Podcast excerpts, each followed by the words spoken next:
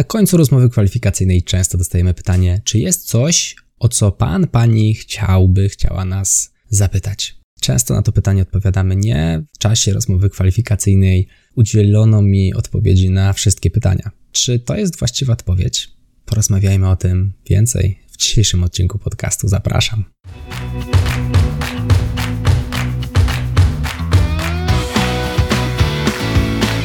Chcesz przenieść swoją karierę na wyższy poziom? Nieważne, czy pracujesz na etacie, czy jesteś przedsiębiorcą. Świetnie trafiłeś.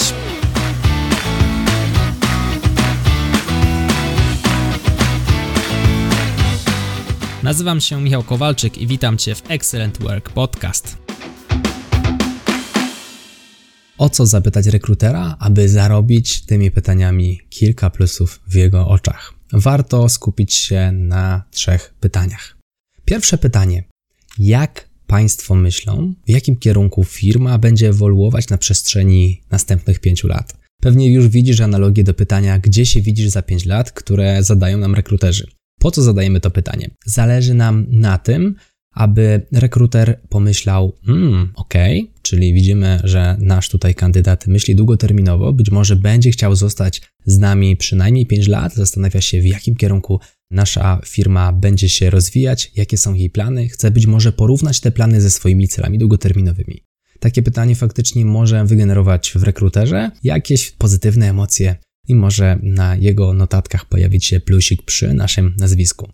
Pytanie numer dwa. Co mogę zrobić, pracując dla państwa, aby pomóc osiągnąć długoterminowe cele, wizje i zwiększyć zyskowność, jeżeli jest ona jednym z celów? I to jest pytanie, które właściwie zadałem, może w nieco odmienionej formie. Zadałem je w formie, co mogę zrobić dla państwa firmy, aby zwiększyć jej zyskowność, na jednej z moich rozmów kwalifikacyjnych. Na tyle mocno wgryzło się ono w uszy menadżerki, że w momencie, gdy półtorej roku później zwalniałem się z firmy, przytoczyła to pytanie.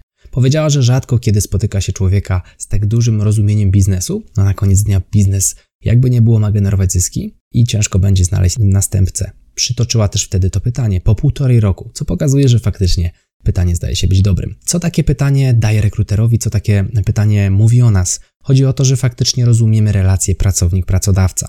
Jesteśmy dla pracodawcy pewną inwestycją. On płaci nam pensję, inwestuje w nas, inwestuje w nasze szkolenia i zależy mu na tym, abyśmy my świadczyli dobrej jakości pracy, na której on będzie w stanie zarobić.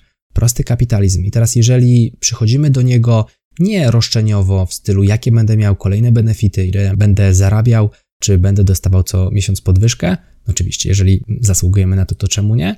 a przychodzimy do niego jednak właśnie z takim podejściem zrozumienia, czyli umówmy się na fair wynagrodzenie, ja będę świadczył dobrą pracę, natomiast powiedz mi, mój drogi przyszły pracodawco, co mogę dla ciebie zrobić, aby faktycznie ta inwestycja we mnie się tobie zwróciła. Taka narracja pokazuje, że nie jesteś pracownikiem roszczeniowym, tylko najzwyczajniej w świecie rozumiesz, jak działa relacja pracownik-pracodawca. A niestety, no, różnie ze zrozumieniem tej relacji wśród kandydatów bywa. Mówi jako osoba, która siedziała też po tej drugiej stronie stolika. No i na samym końcu pytanie, może nieco większe, ale nadal istotne. Jaka jest kultura państwa organizacji?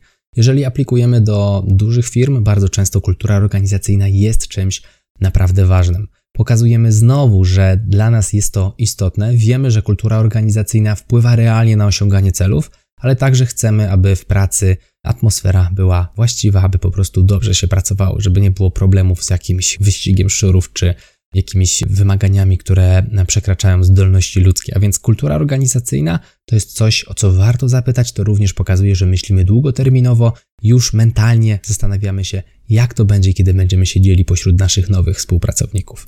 A więc to są trzy pytania, które faktycznie mogą wygenerować nasze dla nas plusy w oczach rekrutera, Zachęcam też do zadania pytań dodatkowych, które już może mniej pokazują nas w tym super świetnym i myślącym dalekosiężnie świetle, ale dają nam dodatkowe informacje, czyli możemy się zastanawiać nad tym, czy będziemy podróżować służbowo, jeśli o tym nie porozmawialiśmy, jak wygląda kwestia związana ze szkoleniami, czy po prostu uściślić, doprecyzować nasz zakres obowiązków, jeżeli na tym etapie rozmowy nie jest dla nas jasny. To są pytania również dodatkowe, które można zadać. No i jako bonus, jeżeli dostaniecie pytanie, jeżeli dostaniesz pytanie, o co jeszcze można byłoby zapytać rekrutera, jeżeli rekruter zadacie takie pytanie, możesz zapytać go na przykład o Excela. Jeżeli rozmawiacie przez telefon i spodziewasz się testu rekrutacyjnego z Excela, zapytaj go na jakiej wersji przyjdzie Ci pracować, w jakiej wersji językowej. To ma dwa plusy i jeden mały minus. Plus jest taki, że z jednej strony pozwoli Ci się to lepiej przygotować, bo znając wersję językową, znając wersję Excela, będzie Ci po prostu łatwiej ten test zrobić, przy założeniu, że nie znasz wszystkich wersji, a mało jest osób, które wszystkie wersje znają. To jeden plus, a z drugiej strony pokazujesz, że znasz złożoność tego programu. Wiesz, że są różne wersje, wiesz, wiesz że są różne języki. Będą się różniły na przykład separatorami, kropkami czy przecinkami, średnikami w przypadku rozdzielania formu czy przecinkami. To są rzeczy, których jesteś świadom jako osoba znająca narzędzie, jakim jest program Excel. Jeden minus no to to, że właśnie prawdopodobnie nie znasz wszystkich możliwych wersji Excela. Natomiast nie martw się, myślę, że mało kto to wie, mało kto zna wszystkie wersje Excela i myślę, że w dużej części przypadków nie będzie to rozpatrywane jako minus. Jeżeli podobało Ci się to, co dla Ciebie przygotowałem w tym odcinku, zachęcam Cię do przesłania go jednej osobie. Mówił dla Ciebie Michał Kowalczyk. Dziękuję za Twój czas. Do zobaczenia i do usłyszenia w kolejnym odcinku. Trzymaj się, hej!